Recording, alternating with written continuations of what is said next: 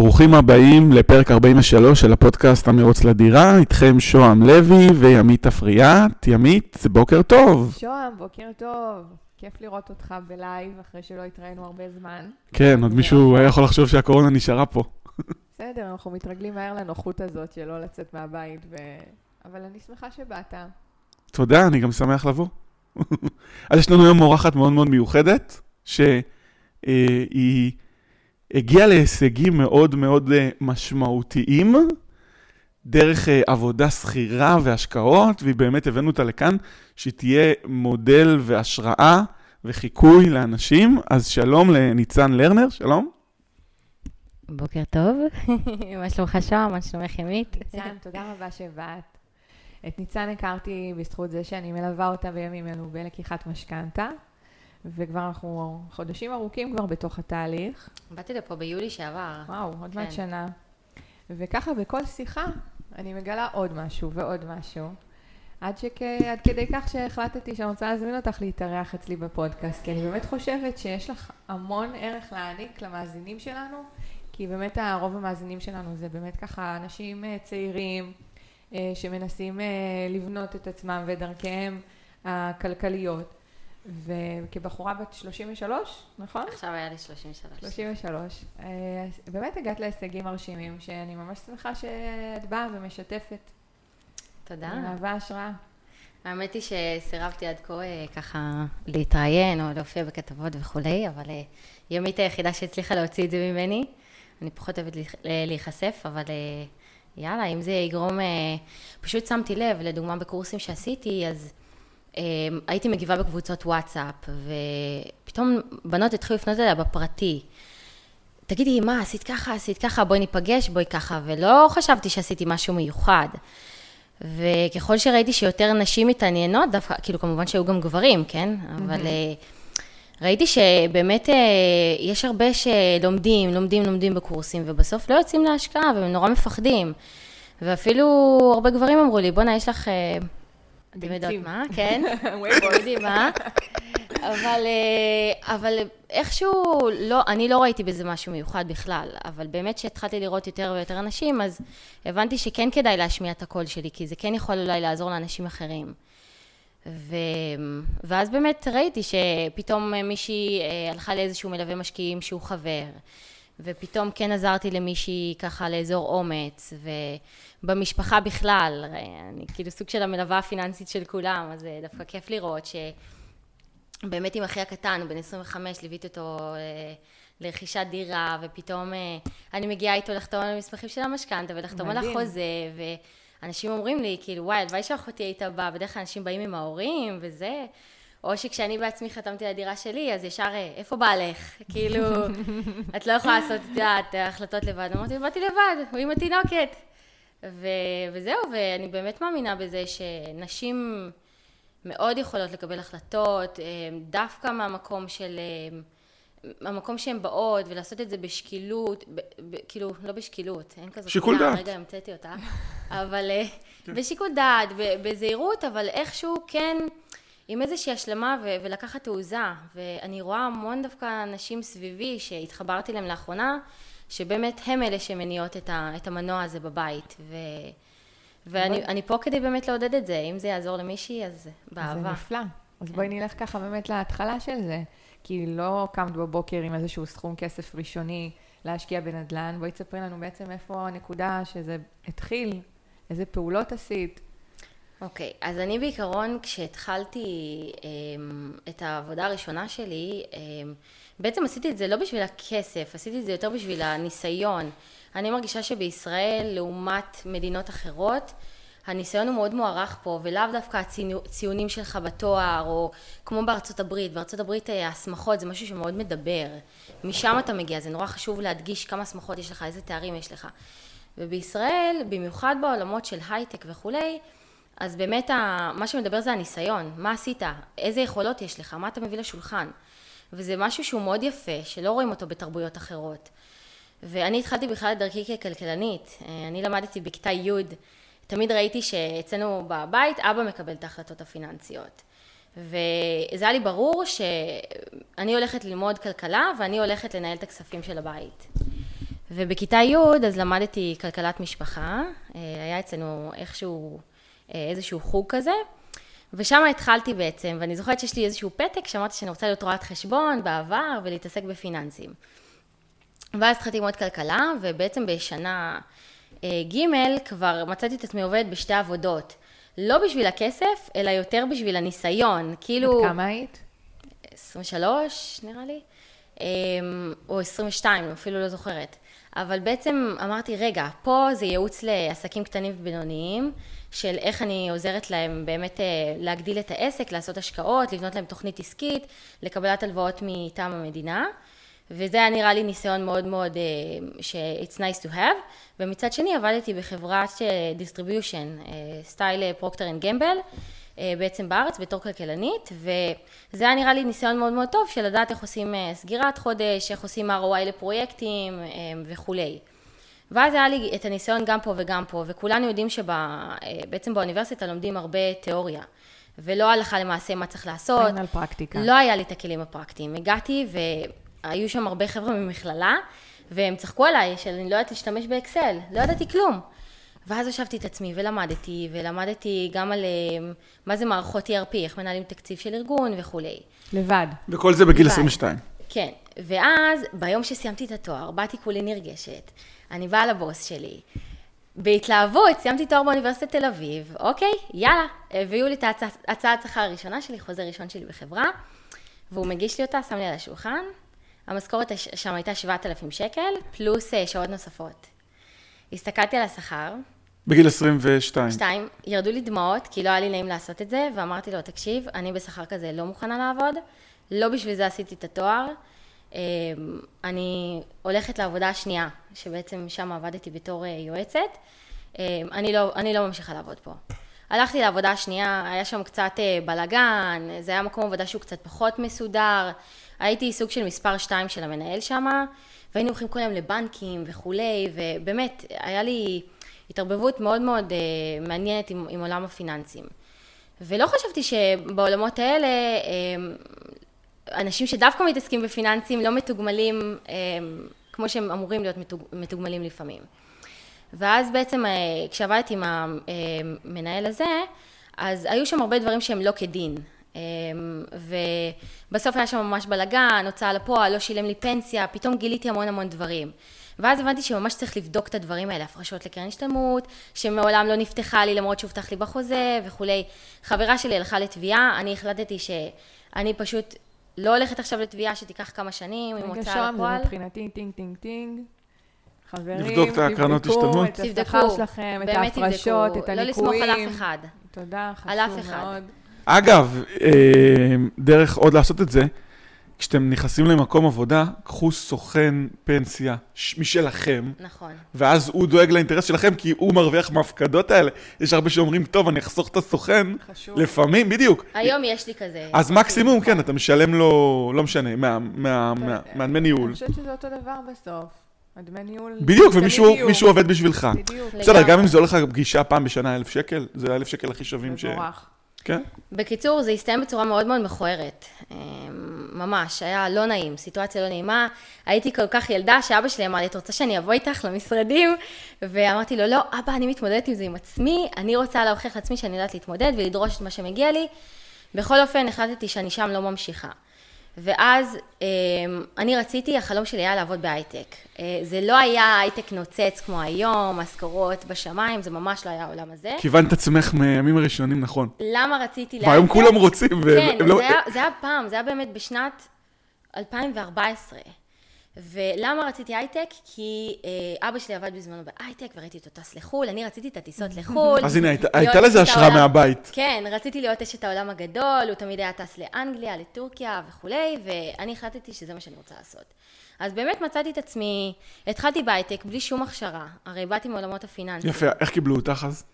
אני באתי להיות uh, BI analyst, business intelligence, שזה כן נוגע לעולמות של אה, אנליזה וכלכלה. וכשהתחלתי, uh, בדיוק דיברנו על נופר. אז אני והייתה שם חברה שהיא עשתה תפקיד מעולמות של uh, מערכות מידע. היא למדה הנדסת תעשייה וניהול, ואני רציתי את התפקיד שלה, והיא רצתה את התפקיד שלי. המנהל שלנו היה בבוסטון, אמר לנו, אתם יודעות מה? יש לכם חודש וחצי אה, ניסיון, תעשו אחת כל אחת את התפקיד של השנייה, אם זה מצליח, יאללה, זורם איתכם. יואו, זה. גם הרבה מזל, אבל... כן, כאילו, וגם זה שאמרנו, פתחנו את זה מזל, הראש, אבל זה. גם הנחישות שלהן. נכון. לקבל את ההחלטות האלה, ולהגיד, וואלה, בואי נעשה סוויץ' פה בתפקידים. בדיוק. זה יצירתי מאוד. אז עשינו סוויץ' בתפקידים, לא ידעתי כלום מה זה מערכות מידע, והבוס שלי בזמנו היה אמור לטוס איתי להונג קונג. הייתי צריכה להציג שם באיזשהו אה, כנס כן. פגישות במשרדים, ו... ואז בעצם אה, הייתי חייבת ללמוד איך אני יכולה לעשות advanced אה, training, שאני בכלל לא יודעת לעשות אה, training בסיסי. ו... ואני אמורה להעביר את זה. בקיצור, הושבתי את עצמי יום ולילה, יום ולילה, ללמוד. מדהים. וממש למדתי הכל, טסתי לשם לבד, הוא ברגע האחרון אמר לי, תשמעי, אני לא יכול להצטרף אליך מבוסטון. נסעתי לשבועיים וחצי להונג קונג, ו... והייתי חייבת באמת כאילו להיות בטופ של הטופ, ו... ולכן ממש למדתי לבד, וזה היה הניסיון הראשון שלי שאפשר ללמוד הכל ולבד, בלי שום רקע, באמת שאין לי שום רקע. ואז אה, זה היה חוויה ממש ככה מעניינת, מאז טסתי כל רבעון לאסיה, בעיקר ליוויתי את אסיה, אירופה וגם קצת ארצות הברית. והיה לי ממש שנתיים סופר מעניינות, שנכנסתי לעולם חדש, הבנתי מה זה העולם של הייטק, שיפרתי את האנגלית שלי פלאים, לא הייתה לי אנגלית מהבית, וכל פעם שאיזה אמריקאי דיבר לא הבנתי מה הם אומרים בכלל, זה היה כל כך מהר בשבילי. וממש למדתי תוך כדי, ו... ואז הבנתי שאפשר לעשות הסבה להייטק. אמ, וזה אגב מה שהיה ההשראה שלי לפרויקט התנדבות שעשיתי אה, לאחרונה. רוצה שנדבר על זה, ככה אזור כמה מילים? או ש- אפשר, בטח. אז היום בעולמות שלי, תמיד אה, פרופסורים של אה, מדעי העושר אומרים שבעצם אה, זה לא מספיק הנאה. בשביל להיות מאושר באלף, הנאה היא לא מספקת. אתה צריך גם להכניס את הפן הזה של אה, נדבך של משמעות. וזה משהו שהיה קצת חסר לי בהייטק. ואז החלטתי בעצם להקים איזשהו פרויקט אה, התנדבותי, מיזם, שקראנו לו פורצים דרך לקריירה. אה, עשיתי את זה עם עוד שותף, אה, שאגב שותפות זה סופר חשוב לעסקים, בעבודה, להכל, בעצם מישהו שמשלים אותך. ואז אנחנו בעצם הקמנו את המיזם הזה, שהיה מדהים, ובעצם עשינו כמה מחזורים, שלימדנו אנשים, לקחנו, אספנו אנשים מכל מיני, אנשים שהייתה להם איזושהי תקרת זכוכית מאיפה שהם הגיעו, או מהפריפריה, עבדנו עם עמותות של, אה, עמותת אמצע הדרך, שבעצם אה, כל מי שמפוטרי הייטק בגיל 40, שככה, לצערי כבר כביכול אה, בגילאים מסוימים היו מבוגרים מדי לתפקידים מסוימים, ובאמת שלחו אותם לדרכם, אז רצינו לה- להחזיר את האנשים האלה לעולמות התעסוקה. גם חיילים בודדים, עולים חדשים, יש את, באמת המון המון עמותות שעבדנו איתם. אה, אז שילבתם אותם בעצם בעבודת, בעבודות בהייטק? מה שעשינו זה קודם כל הכשרה, הכשרה של אה, כמה חודשים, שלימדנו אותם מאפס בכלל, אנחנו. בעצמכם? כן. או מטעמכם? גייסנו את כל החברים שלנו בחברה. וואו. זה בן אדם טכני, זה ארכיטקט, זה אה, בן אדם יותר שיכול ללמד soft skills, באמת הבאנו כל מי שיש לו איזשהו ידע שיכול לתרום לאנשים, ואנשים עשו את זה בהתנדבות מלאה. אה, אז היה מפגש כל יום ראשון של כמה שעות שממש לימדנו אותם.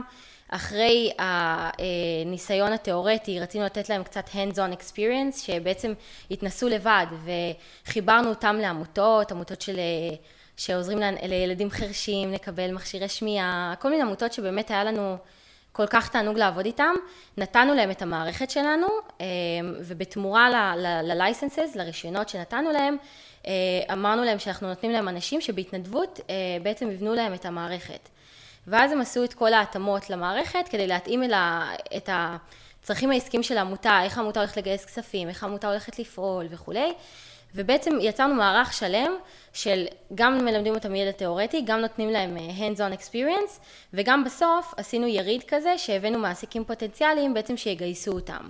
מקסים. ועשינו ככה אה, כמה מחזורים עד שעשיתי רילוקיישן ולצערי התוכנית אה, הסתיימה, אבל היום כבר המשיכו אותה בדרכים אחרות בחברה. ו- וזה זה הייתה, ככה, זה ככה הכניס המון משמעות ליום יום שלי בהייטק. אז לכל מי שככה מחפש גם משמעות חשוב, בעבודה חשוב היומיומית, אז זה היה מדהים, אפשר להכניס משמעות. מקורות גאווה בחיים זה משהו שהוא כן. הכרחי שיהיה לנו. זה היה, זה היה מדהים. היום האנשים האלה עוברים, עובדים בחברות סייבר, בחברות הייטק, אנשים שהגיעו מכלום, כאילו, ילדונת שההורים שלה נפטרו בתאונת דרכים, היא נשארה עם חובות ענק של סבתא שלה, גרה בלוד. אה, כמובן שאני לא אציין פרטים עליה, אבל היא באה אליי והייתי סוג של אה, אחות גדולה, מנטורית, לימדתי אותה כל מה שאני יכולה, והיום כאילו היא באמת מרוויחה משכורות שיותר, היא התחילה יותר גבוה ממה שאני התחלתי בהייטק. מדהים. ו- וזה כיף לראות, כאילו, זה מרגש אותי לראות בלינקדאין כל פעם שהם מעדכנים את- התפקידים החדשים שלהם. ואני הייתי הוכחה, כאילו, אז זה עוברת בצמרמורת נראה לי אחרי הפרק, היא מקבלת מלא פניות, תעזרי להיכנס להייטק. רצי, אגב, רציתי לרשום על זה ספר, איך עושים הסבה נו, אז. יש לך פה עוד איזה ביזנס נראה לי. אבל, אבל זה, יש בי צמרמורת שאני מספרת על הדוגמאות האלה, כי כש, כשאני רואה את האנשים האלה, אני מתמלאת גאווה, כי באמת הם, זה שינה להם את המציאות שלהם, כאילו... זה כן, ברור. שינית, שינית להם את החיים, שזה הערך הגדול. וזה כיף לראות. ו... אז זהו, אז אני קצת עכשיו, סיפרתי קצת על המיזם, אבל באמת אני אחזור קצת אחורה. כן, בואי נחזור להונג קונג, הכנסים, בחברה, האנגלית. כן, זה הייתה בחברה... אז עד כמה אה, את פה? 25. חמש. עבדתי שם שנתיים, אה, היה לי את הניסיון הגלובלי שבאמת כל כך רציתי, וזה הוביל אותי להיכרות, לבנות איזשהו נטוורק מסוים. אחר כך הרגשתי שמיציתי, אני רוצה, רציתי להשתפר בתנאים, החלטתי שהגיע הזמן להשתפר בתנאים, ובאמת... שמגיע לך שכר גבוה יותר, מגיע לי שכר גבוה אה, יותר. מסביב, יוזמה שלך. כן. הם פנו אליי מאיזושהי חברה, ראו את הלינקדאין שלי, ומאיזשהו יועץ שהמליץ עליי, הגיעו אליי, אה, לא חיפשתי אקטיבית עבודה, אבל אמרתי וואלה הזדמנות. עשיתי את כל האינטליג'נס מאחורי הקלעים, בדקתי כמה אמורים להרוויח וכולי, ודרשתי לא פחות מ-70% יותר בשכר. אה, בעבודה עלייה של הבאה. 70%? עלייה של 70% בשכר. וואו. וואלה, קיבלתי, כאילו הייתי בשוק. אני הייתי באמת ילדונת, וקיבלתי את מה שרציתי, דרשתי 70 אחוז יותר. גיל ישבתי 25. מול, ישבתי מול המנהלים האלה, ואמרתי שזה מה שאני רוצה. ואני חושבת שנתנו לי אה, 500 שקל פחות ממה שביקשתי. אבל החלקתי, יאללה, נו, 500 שקל פחות, רק בסדר. 70 אחוז שיפור בשכר. בקטנה, אה, בקטנה. כן, בקטנה. אחרי חודשיים כבר הגיעה הצעה נוספת אה, מהחברה שהיא מבחינתי הייתה אה, משרד חלומותיי. תמיד כשעברתי ליד הבניין אה, הייתי מתקשרת לאבא שלי, אבא, אתה תראה, אני אעבוד בחברה הזאת ביום מן הימים. ואז הוא אמר לי, די ילדה שלי, את לא חייבת אה, זה, לא חייבת במקום הכי גבוה לכוון, זה לא נורא, זה לא ככה, ואמרתי לו, אתה תראה, זה יקרה. שם. ובעבר כבר היה לי איזשהו רעיון אליהם ולא נפתח תקן בארץ, כי באמת החברה הייתה כל כך קטנה בארץ. התראיינתי ובסוף העבודה הזאת לא, זה לא יצא לפועל, ואז הגיעה פעם שנייה אה, הצעה מהחברה הזאת. אמרתי, תקשיבו, הכי לא נעים בעולם. באמת שלא היה לי נעים, כי רק התחלתי. וכשהגעתי לחברה הזאת, עוד ביקשתי, אה, פינו משרה בניו יורק, אה, ואני אמרתי, אני רוצה את המשרה הזאת. הייתי מושתנת בחמישה חוד... חמישה ימים בחברה, מה את בכלל, כאילו ילדונת וזה, מה את מבקשת דבר כזה בכלל, חוצפנית. ולא יודעת איכשהו, ביקשתי, כאילו, ו... ובאמת אמרו לי, אף אחד בחברה לא עשה רילוקיישן, אבל התחילו איזשהו מגעים ובדיקות כדי לאפשר לי את הרילוקיישן הזה לניו יורק. ובסוף הגיעה החב... אמ, המשרה מהחברה שבאמת רציתי, והיה לי הכי לא נעים בעולם. אח שלי אמר לי, תשמעי, מוסרית, מה תעשי להם את זה? וכולם ידעו, הרי, כאילו... המוסר פה לא נראה לי כולם אמרו זה נו... לא? כן, הוא כאילו אמר לי, אני לא הייתי עושה את זה. מי לא ראה בזה משהו לא מוסרי? אמרתי לו, תגיד, מה אתה רציני? כאילו, זה no brainer. כולם הסתכלו עליי, וזה היה ברור שלוקחים את ההצעה הזאת. עם כמה שהיה לי לא נעים, נתתי להם כמה זמן שיכולתי, אמ, וסגרתי את כל הפינות. מזלי זה שלא היו צריכים להכשיר אותי. אמ, באמת מ-day one נתתי תפוקה. ועד היום אני בקשר עם האנשים האלה, ואני מתה עליהם, המנהלים הקודמים שלי, הם באמת מקסימים. אני בטוחה שהם גם. שמחים בשבילך, כן? כן. עשו לי מסיבת פרידה אחרי שעבדתי שם חודשיים וחצי. והם באמת היו מקסימים, ומאז פגשתי אותם בכנסים, בסוף אנחנו עובדים באותו, באותה קהילה. הם היו, קיבלו את זה בצורה מהממת, וקיבלתי את משרד חלומותיי, ושוב דרשתי. אמנם אה, לפני חודשיים וחצי דרשתי עבודה, ש... אמ, 70 אחוז. 70 אחוז יותר, אבל למה לא? כי בסוף זה תפקיד אחר, אני יודעת מה אני אמורה לדרוש בתפקיד כזה, וסליחה אם אני הולכת לתת מעצמי, אני יודעת שאני נותנת מעצמי 200 אחוז, ואם אני הולכת לתת 200 אחוז בתפקיד, אני גם רוצה שישמעו לי בהתאם. אמ, וזהו, וככה התחלתי לעבוד בחברה הזאת, ועד היום אני כבר עובדת שם אה, למעלה מחמש שנים. אז רגע, בואי נחזור שנייה לגיל 24-5. את גרה אצל ההורים באותה תקופה? לא, גרתי בדירה משלי במושב אה, בן שמן. משלך שכור עם-? שכור. תמיד שכרתי דירות, אוקיי. אה, בא- באותו זמן הייתי עם בן זוג. אה, אבל גם גרתי לבד, כאילו שילמתי, להיות רווקה זה יקר. ואז מה את עושה בעצם עם השכר הגבוה יחסית שאת מקבלת? אז הוא נורא רצה אותו? לגור בתל אביב, ואני אמרתי לו, אני לא משלמת שכירות בתל אביב, עם כל הכבוד, למרות שהכי יכולתי להרשות את זה לעצמי. אה, נהגתי באותו רכב מאז שהייתי סטודנטית, לראות את כל החבר'ה ההייטקיסטים באים עם רכבים של אה, BMW, חברים שעשו הנפקות וכולי, זה מטורף, והם באים עם רכבים הכי מדהימים בעולם לחברה, ואני עדיין החלטתי שאני נשארת עם הרכב שלי, וכאילו חיה בצניעות, אבל עם כל הכבוד, כאילו, עפתי על החיים. האהבה שלי זה חו"ל, ותמיד רציתי כאילו להכיר תרבויות אחרות, לראות מקומות חדשים, יש בי תשוקה מטורפת. אני הולכת לסופר בחו"ל, זה התרגשות מבחינתי. כאילו, מהדברים הכי קטנים, אני אוהבת פשוט להכיר מקומות חדשים ודברים חדשים. וזהו, ואז, אז תמיד באמת חייתי בדירה הזאת בבן שמן, ובאמת זה היה בשכירות. אמ, עוד לא ראיתי את עצמי קונה בית משלי. אז אמ, הכסף פשוט מצטבר בעובר ושב, ואת עוד לא יודעת מה הפעולות שעלייך הכסף לעשות איתו? מצטבר בעובר פשוט ושב. שוכב שם? בינתיים לקחתי איזשהו חיסכון, יש את החיסכון לכל ילד, שההורים שלי דאגו באמת מילדות להפקיד אליו. לקחתי את החיסכון הזה, רגע, ואמרתי... שזה לא החיסכון לכל ילד שיש לילדים היום, אני מתכוונת, כן. אה, לא, זה- לא היה אז.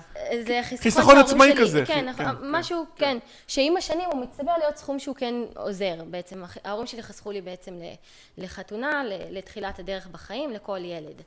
ו- ובאמת זה עוזר. אז אני לקחתי את החיסכון הזה והעברתי אותו למנייתי אה, מלא, ופתאום ראיתי, וואי, הפלא ופלא, הכסף גודל, איזה, איזה מדהים זה. והכסף הזה קצת גדל, ובעצם בגיל 27 אה, כבר החלטתי שאני רוצה לקנות דירה להשקעה. אימא שלי ישבה עליי, אמרה לי, מה פתאום, תקני דירה למגורים, אה, תקני משהו קרוב אלינו, למושב וכולי, המחירים רק עולים. ואמרתי, אני עדיין לא רואה את עצמי קונה דירה שאני אתיישב במגורי קבע, אני רוצה לקנות דירה להשקעה. עכשיו, הייתי לבד, הייתי רווקה, לא הייתי עם בן זוג. ופחדתי לת- לקחת התחייבויות, אה, מבחינתי משכנתה זה היה מילה גסה. למרות שאת משתכרת בשכר גבוה, בחברה. בטוחה, זה, כן. פחדת להתחייב למשכנתה? פחדתי להתחייב למשכנתה, אה, לקחתי מלווה משקיעים שהוא חבר של אה, אחי, והוא אמר לי, תקשיבי, תפצי את הכסף, תקני שתי דירות. אמרתי לו, מה פתאום? אני קונה דירה בקאש, במזומן, איזה משכנתה? מה אתה מדבר? אני אביא הלוואות. הבאתי הלוואות, העיקר לא לקחת משכנתה. אז מבחינתי היה משהו שהוא צריך להיזהר ממנו. הלוואות רגילות בעובר ושב? אני ממשיכה? אני אשאל. אז רגע, בסוף קנית שתי דירות או אחת? כמובן שקניתי דירה אחת.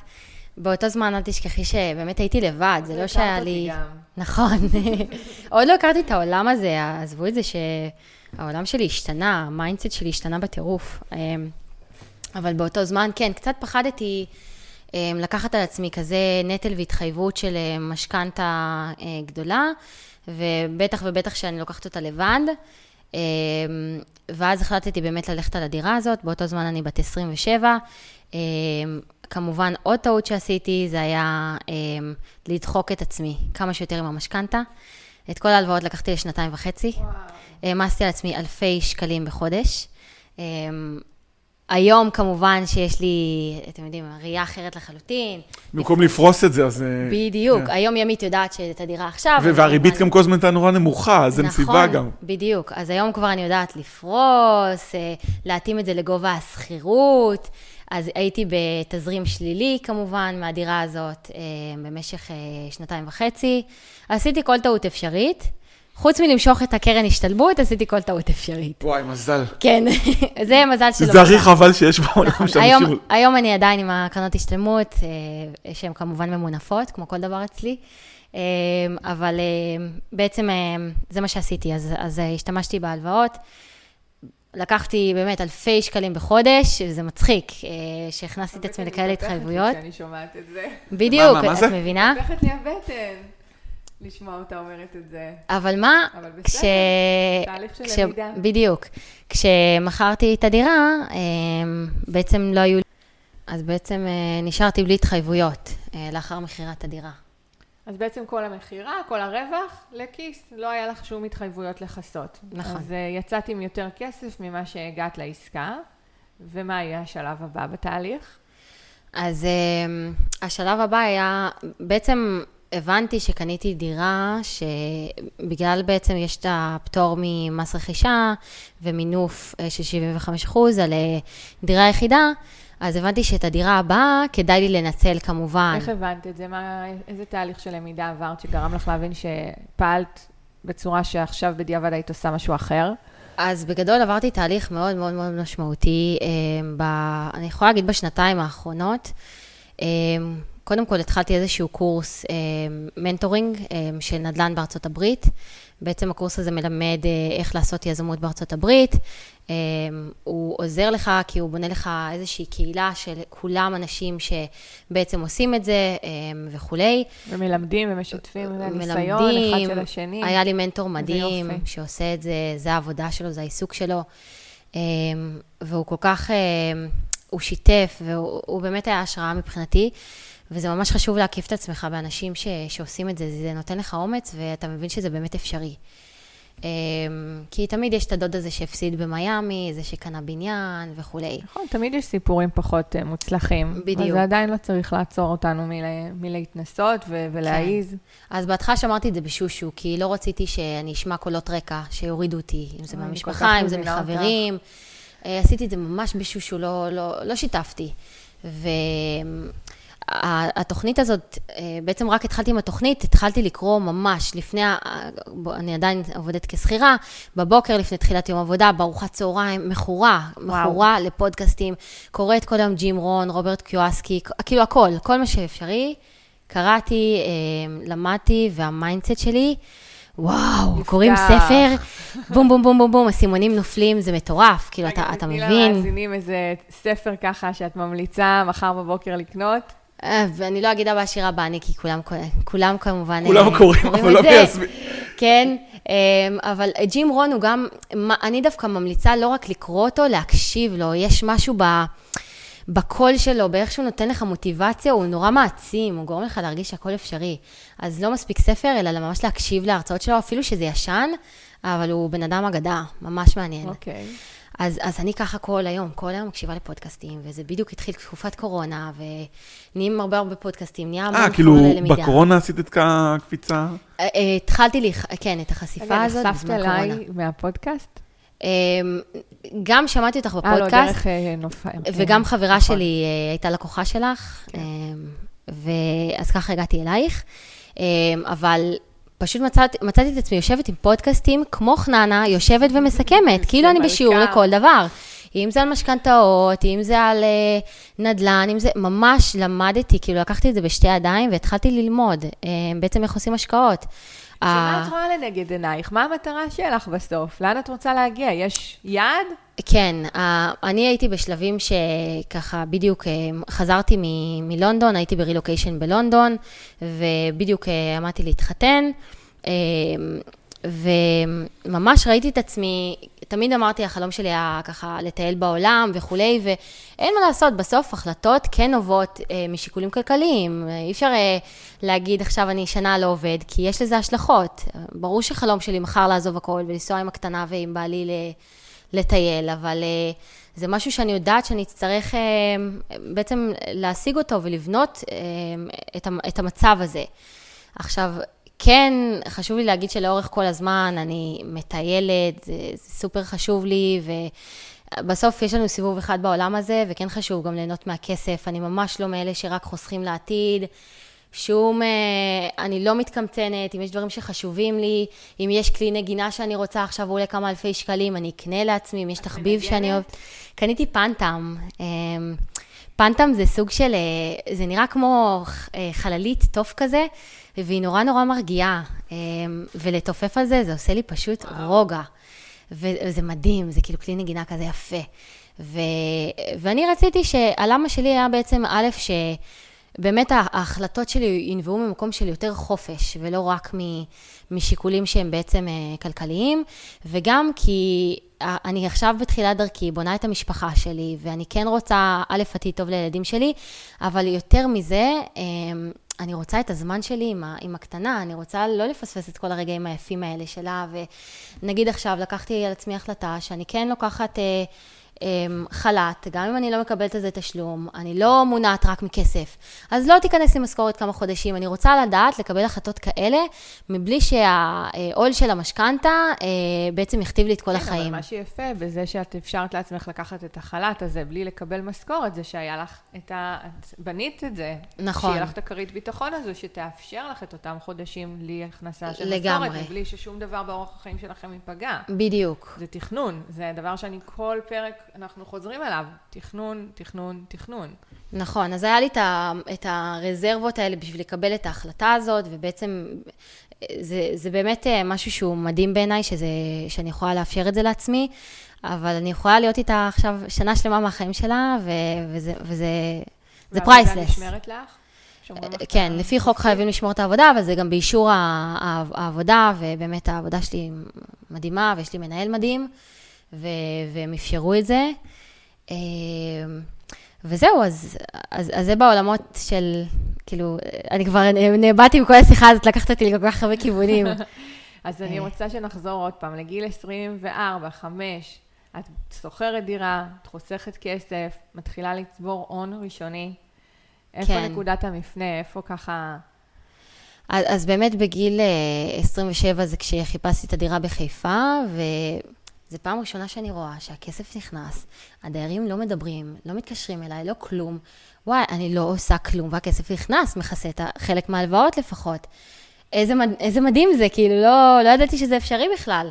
ואני חושבת שפשוט לא משנה מה, הקפיצה הראשונה למים היא הקריטית. אה, לא משנה מה אתה בוחר.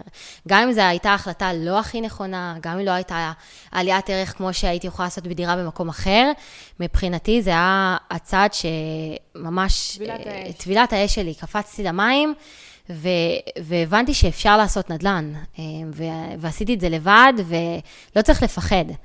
ואז זה היה הצעד הכי משמעותי, ושוב, באמת כדאי להתנסות, וגם הזמן הוא פקטור כל כך רציני. נגיד, לילדים שלי, אני לא בטוחה כמה אני רוצה לתת להם על כל המגש של כסף, אמ, לתת דירה לילדים שלי, אלא הייתי מעדיפה לבוא וללמד אותם להשקיע מגיל מאוד מאוד צעיר, והזמן הוא הדבר הכי משמעותי בהשקעות מבחינתי, הזמן.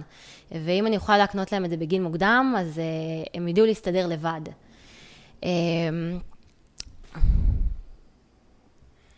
אמ, וזהו, ו- ובאמת כאילו, מבחינתי, אה, היה לי איזשהו, היה לי הרבה צ'קליסט כזה של חלומות שאני רוצה להגשים עד גיל 30, אם זה רילוקיישן, אם זה לעשות את המיליון הראשון שלי, ובאמת זה כן ככה מה שהביא. אותי, מה שהביא אותי ל... לממש את המיילסטונס האלה שהקצבתי בחורה לעצמי. צעירה שפילסה את דרכה בהייטק, בעצם עשתה לפני גיל 30 את המיליון הראשון שלה. כן. שוהם, זה מרשים לכל הדעות. יפה מאוד, כל הכבוד, הלוואי כולם... אה, אבל שוב, אני חוזרת לזה, הכסף שוכב בעובר ושב? או מה? מה, מה, מה, איזה, מי מנחה אותך? מה לעשות? מי מלמד אותך? את לימדת את עצמך, הקשבת לפודקאסטים, הקשבת... הלכה למעשה, מה קורה? כן, אמ, לא עשיתי תכנון פיננסי תהליך אה, סדור, בעצם עשיתי תכנון פיננסי אה, די לעצמי. אמ, פתחתי אקסלים, ריכזתי את כל מה שבעצם יש לנו, ומה אפשר לעשות עם הכסף, ולכן החלטתי להכניס את כל הכסף קודם כל כצעד ראשון לפוליסות אמ, חיסכון. אה, חיסכון. אה, שוב, זה לא המלצה. אני, זה מה שאני עשיתי, הכנסתי את הכל לפוליסות והחלטתי למנף את הכסף. אה, כי זאת הייתה הזדמנות שבאמת כל הכסף אה, יכול לעבוד, אז החלטתי שהוא יעבוד פעמיים. גם בשוק ההון וגם אה, בעצם בהשקעות אלטרנטיביות, ככה שתמיד אין שום סיכוי שהכסף יהיה חשוף פעמיים לאותו סיכון. ולכן פיזור זה משהו שתמיד הנחה אותי, לא להשקיע את הכסף שוב בשוק ההון, אלא להשקיע בהשקעה שהיא אלטרנטיבית ואין ביניהם שום קשר. מה מה למשל? אמ, ואז החלטתי באמת אמ, לנצל את הזכאות שלי לדירה יחידה בישראל, כי מכרתי את הדירה, והתחלתי לחפש אה, מה הולך להיות הפרויקט הבא שלי, הדירה הבאה שלי, וזה לקח זמן עד שמצאתי את הדירה שרציתי. אה, החלטתי להשקיע בדרום תל אביב, התבייתתי ממש על אה, שתי שכונות בתל אביב. עשית חקר שוק. עשיתי חקר שוק, פניתי למינהלת של הפינוי-בינוי, הגעתי בהיריון עם בטן של חודש שמיני-תשיעי, כולם כבר הכירו אותי במינהלת, יאללה, מדהימה. תמצאו לה כבר דירה, תקשיבי, כל המתווכים הכירו אותי. הכל באמת לפי הספר, בצורה אמ, מדהימה. ו- מה מה שלמדתי באמת בתוכנית מנטורינג זה אה, זה שזה הכל סביב מערכות יחסים. ובאמת יצרתי את המערכות יחסים האלה של, אה, הרי מתווך לא יביא לי את הדירה הכי טובה שיש לו, אה, לא תמיד. והחלטתי שאני יוצרת קשרים שהם מעבר לזה, לא לחכות, אה, לשבת רגל על רגל בעצם למתווך. ואז הלכתי ככה למינהלת ויצרתי את הקשרים, הגעתי פיזית להכיר את מי שמובילה את הפרויקטים האלה של היזמות, איזה פרויקטים היא ואז מקדמת. הם חיברו לך פרויקט טוב? ואז הם חיברו לי פרויקט. לאורך הפרויקט כבר הבנתי שכל שלבי החתימות הסתיימו, וזה הקפיץ ממש את ערך הדירה, ועשיתי החלטה עם עצמי שאני דווקא לא לוקחת החלטה, אה, את הפרויקט פינוי-בינוי הזה, ואני הולכת לפרויקט ששמתי עליו עין, שבינתיים פשוט לא התקדם. רציתי שיהיה לי פלן בי. והפרויקט הזה, זה היה פרויקט של תמ"א, אה, בעצם לקנות דירה מקבלן במחירי פרי-סייל. ולכן קניתי אותה כבר 300 אלף אה, שקל מתחת למחיר שבו היום הם משווקים את הדירה. וזה פשוט לא התקדם, אז רציתי שיהיה לי איזשהו פלן בי, ולכן פניתי למינהלת של הפינוי-בינוי. הייתי עולה מדרגות, כאילו בהיריון, מדרגות, שלוש קומות, ארבע קומות וזה, עד שאני אמצא את הדירה שלי שאני רוצה. ו- ובסוף באמת מצאתי את הדירה, ימית עכשיו מלווה אותי באמת עם אה, לקיחת המשכנתה. אני רגע, ממש... שזה דירה להשקעה חלופית, כאילו. דירה להשקעה חלופית, כן. אני ממש לא מפחדת לקחת 75% מינוף, אני מפחדת. לא לקחת את המינוף, אה, בעצם אה, היום זה כבר הכל הרבה יותר ברור לי. מפחדת לא לקחת את המינוף. אני מפחדת לשים כסף על דירה אחת, כי אני רוצה לפזר, אני רוצה להשתמש בכסף, אני לא רוצה לתקוע את הכסף בין ארבע קירות, אז אני מחפשת להשקיע אותו בכמה שיותר אפיקים. מצוין, זה מתאים לתוכנית שלך. היום אני פחות, היום אני בשש עסקאות, אה, פחות או יותר, חלק מהן לבד, חלק מהן עם שותפים. כן, אם זה בעסקה אחת באירופה, אה, ארבע בארצות הברית, אה, שתיים של בנייה חדשה, שתיים של פליפים, בעצם עשיתי השבחה עם עוד שותפה לנכסים האלה. וטסתי לארצות הברית כמובן, לבדוק את הנכסים, לבדוק שהפרויקטים מתקדמים וכולי. אה, ואת הדירה בארץ, אה, וזהו, הגעתי לשש. מדהים. שש עסקאות. אז בעצם יש כסף שיושב בפוליסות חיסכון, ניצן לוקחת הלוואות על חשבון הפוליסות האלה, מפזרת למגוון רחב של השקעות נדל"ן בארץ ובחו"ל, ונותנת לכסף פשוט לעבוד. וגם בשערי מטבע שונים, כי באמת פיזור היה לי ממש חשוב. אני לא אשקר, לא הייתי ככה. אה, בתחילת דרכי, לדוגמה, מצאתי דירה להשקעה שאני רוצה בפולין, חתמתי כבר על הדירה וכולי מול היזם, וחטפתי רגליים קרות. משכתי את ההשקעה, דיברתי עם היזם, התחננתי אליו קצת שיחזיר לי את הכסף, גם את הכסף הראשוני ששמתי בעצם. והוא החזיר לי את הכסף, אמ, וגם כשגרתי באנגליה, אז אה, פניתי לאיזשהו יזם ישראלי, אמ, שיחפש לי השקעות בליברפול, וגם כן חטפתי רגליים קרות. זה לקח זמן עד שבאמת עזרתי אומץ. היום אני כבר יודעת שאם אני מקבלת החלטה, קיבלתי אותה, אה, היא לא, אני בן אדם פרפקציוניסט בטירוף, ומבחינתי, בהתחלה זה היה, אני הולכת למצוא את הדירה, דירת חלומותיי, את הדירה, ההשקעה הכי טובה שאני יכולה לעשות. וככל שעבר הזמן, הבנתי שפשוט אין דבר כזה, כאילו, זה לא שההשקעה תצנח עליי והיא תהיה ההשקעה הכי טובה שיש, ויש... אבל כן, ימית, מתחבר ימית בול. נורא רוצה להגיד משהו. זה מתחבר בול לסרטון שראיתי הבוקר של אה, עורכת דין גילי גרנות עזריה, שגם התארחה אצלנו בפודקאסט. כן. בול, אבל אני אראה לך את הסרטון. אני מדברת על זה שבתהליך של קבלת ההחלטות, אל תחפשו את הכי טוב, נכון. את העסקה המושלמת. תלכו לטוב מספיק. בדיוק. וזה יהיה מעולה בסוף, כי אם כל הזמן תחפשו את הכי טוב, כנראה שלא תמצאו. אוקיי? מעטים האנשים שמוצאים את הכי טוב, ממש. ואני אראה לך את הסרטון עוד מעט, וזה בול מתחבר למה שאת אומרת, ש, שזה גם מראה על תהליך למידה מדהים שאת עברת, שבעצם אמרת, אוקיי, אני כל פעם רוצה את הכי טוב, אני פרפקציוניסטית וזה, ואז הבנת, רגע, אני אוריד את זה. אני אוריד את הפרפקציוניזם הזה, ואני אסתפק במספיק טוב. לגמרי. אמ, זה, זה עניין של אופי, וצריך לעבוד על עצמך, כאילו, עם כל הכבוד, גם נדל"ן, גם השקעות, זה משהו שהוא כאילו... ה mindset הוא משהו שהוא מאוד מוביל, אז צריך מאוד לעבוד על ההתפתחות האישית שלך, וכמו שאתם, התחלתי בתחילת הפודקאסט, כאילו, למידה זה חלק סופר חשוב בתהליך. אני מאמינה שאפשר ללמוד הכל, אני עשיתי בעצמי כמה הסבות בחיים, ו- ובאמת אפשר, כאילו... זה מאוד מאוד מאוד מרשים, מאוד. התהליך למידה שהלכת וכל דבר שככה עניין אותך, חקרת אותו עד הסוף, נכנסת אליו בכל הכוח. כן, וזה גם עולה כסף, אני לא אשקר. אה, הלמידה הזאת והמנטורינג והכל זה, זה השקעה. כסף שבסוף, אני רואה את זה כהשקעה שמחזירה את עצמה. אמ, וגם משהו סופר קריטי, שאם יש משהו שלמדתי בתוכניות ליווי האלה וכולי, שהתנגדתי אליו, אני תמיד רציתי שהנכסים יהיו רק שלי, למדתי שמאוד מאוד כדאי לעשות אמ, השקעות בשותפות. זה מפזר את הסיכונים, זה סופר קריטי. אה, לעבוד עם שותף בעצם שהוא גם שותף להצלחות שלך, אבל גם יש רגעים קשים, לא, לא בהכל מצליחים, וכל אחד יכול לקרוא לזה בשם אחר, האם זה כישלון או האם זה למידה. אה, מבחינתי זה כאילו, למדתי המון, גם אם היו מקומות שנכשלתי בהם, אבל יש את, תמיד את השותף הזה לחלוק איתו את ה, גם את הרגעים הקשים, וזה סופר קריטי. ו, וזה היה ממש, לדעתי זה, גם זה משהו שלמדתי וגם זה שהזמן. אה, בתור אחת שעובדת בהייטק, אז אה, הזמן הוא לא לטובתנו הרבה פעמים, וצריך... אה, למה? כי יש לך פג תוקף כאילו? מודדים אותך על ביצועים, הכל מותנה ביצועים, ואתה תמיד חייב להראות value, להראות ערך כל הזמן, וכל דבר שאתה עושה, אתה נמדד עליו. ו... מה זה נמדד? יודעים פעולה ספציפית? אתה מקבל בונוסים לפי הביצועים. לא, אבל יודעים כל פעולה ספציפית שלך? כן, מודדים אותך ב-KPIs, מודדים כן, אותך... אבל איך, איך יודעים לבודד את זה משאר העובדים בחברה? אה, יש המון המון פרמטרים שמגדירים, של איך מודדים אותך. אתה יודע בדיוק על מה אתה נמדד. אה, זה לא, זה לא רק לכסף בסוף, אה, זה לקידומים, כל הקידום, זה מותנה ביצועים, איך תופסים אותך בחברה. לבוא ולבקש דברים, כמו שעכשיו ביקשתי להיות שנה בבית, או כל מיני תפקידים שביקשתי ועברתי בתוך החברה, הרי עברתי המון המון תפקידים. זה לא דבר ברור מאליו, אתה נורא צריך למתג את עצמך, ליצור את המותג שלך, ובסוף זה הכל מותנה ביצועים. ו...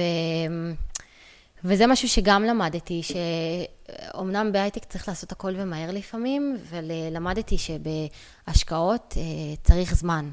ולפעמים דברים לוקחים אה, יותר זמן ממה שציפית, וצריך המון סבלנות, ואני מודה שלא היה לי את זה, אני רציתי הכל ולאתמול. כאן ועכשיו, רוצה כן. לראות מחר את התשואה ב... בדיוק, זה. זה מה שחשבתי, זה מה שהייתי רגילה Mm-hmm. לעבוד ככה.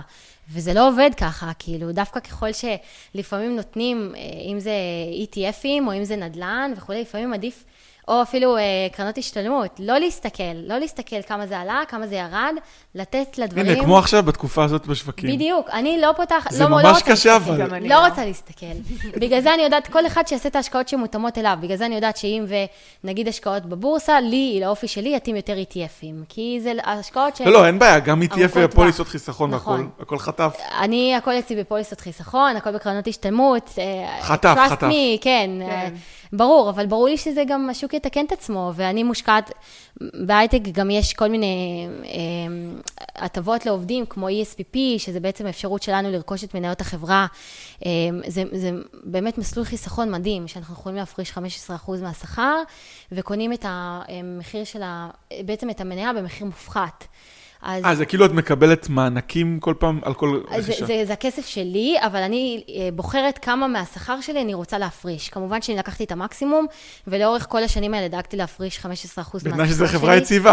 כן, תכלס, צודק. אה, בתנאי שזו חברה אה, יציבה, וגם יש כל מיני הטבות כמו אה, RSUs, שזה Restricted Sto- Stock Options. זה הופך אותך לאחד הבע- הבעלים המשמעותי כל הזמן. ככל שאתה, הוותק שלך... אם אתה יודע לנצל את זה נכון, לא כולם יודעים לנצל את זה נכון, הרבה אנשים מוכרים. כי הם עכשיו צריכים את הכסף. תמיד צריך לדעת שזה כסף שאתה מוכר ברגע שזה הגיע הזמן. ולכן ההחלטות שעשיתי זה כשהגענו, מחיר המניה הגיע מבחינתי לאיזשהו נקודת פיק, שאני יודעת שאני רוצה למכור הכל פתאום. אתה צריך לקבל את ההחלטות האלה, ושוב, כאילו, כמו שאנחנו אומרים, הטוב- וגם אתה יודע מה קורה בחברה, אז אתה יודע אם זה שווה או לא. נכון, שזה נכון, מטורף. נכון. וגם, שוב, כמו שדיברנו על זה, שאת אומרת, אה, לא לעשות את, את הכי טוב, כאילו, אתה מחכה, רגע, אבל אם, אם המניה תעלה עוד טיפה, ואז יואו, אני אצא סתום שמכרתי הכל, כאילו, יש כל הזמן את ההחלטות האלה שאנחנו צריכים לקבל ביום-יום בעולמות של השקעות, ו, וצריך גם לדעת להיות שלם עם עצמך, ולעמוד מאחורי ההחלטות שלך, ולדעת שגם אם עשיתי את ההחלטה הלא מושלמת, אבל עדיין קידמתי את עצמי ואת המשפחה שלי לאיז, לאיזשהו מקום. אז, אז, אז זהו, כאילו, זה, זה הלמידה שלי, כאילו, מכל התהליך הזה. מדהים. טוב, וזה השראה לכל מי שמקשיב ומאזין, שגם אפשר בסוף להצליח לעבוד בהייטק, גם אפשר לחסוך וגם אפשר להשקיע וגם אפשר גם אה, ליהנות מהחיים. כן, זה ו- גם וליהנות. ולא לחיות על האקסל של החיסכון ושל ההוצאות. ו- אין לי אקסל כזה, אגב. אה, אבל את יודעת טוב מאוד כמה אה, יוצא כן. כל חודש. טוב, אז ניצן, היה לנו פה פרק מאוד מאוד מסקרן ו... מעורר השראה. מעורר השראה, אה, אני בטוח שאנשים ילמדו ויקשיבו ויעשו, ו... אני רוצה שנשים צעירות בתחילת דרכן, שישמעו את הפרק הזה וידעו שאפשר אה, לעבור תהליך ולדרוש ו- ולא להתבייש. כאילו, מה, אנחנו ראויות, נכון? אה, הלוואי שזה יעזור לכמה שיותר נשים אה, באמת להרגיש יותר בנוח. אה, ברור שאנחנו ראויות. שכל אחת תדע מה היא שווה ותדרוש את מה שהיא שווה ולא תתפשר. לגמרי. 7,000 שקל אחרי תואר שני, בתפקיד אה, משמעותי, וואלה, לא. כן, תדעי כל מה-. תדעי מה את שווה ותדרשי בהתאם. כל הכבוד, ניצן. תודה רבה רבה שבאת להתארח. שבת שלום לכולם. שבת שלום, ניצן, להתראות. ביי ביי.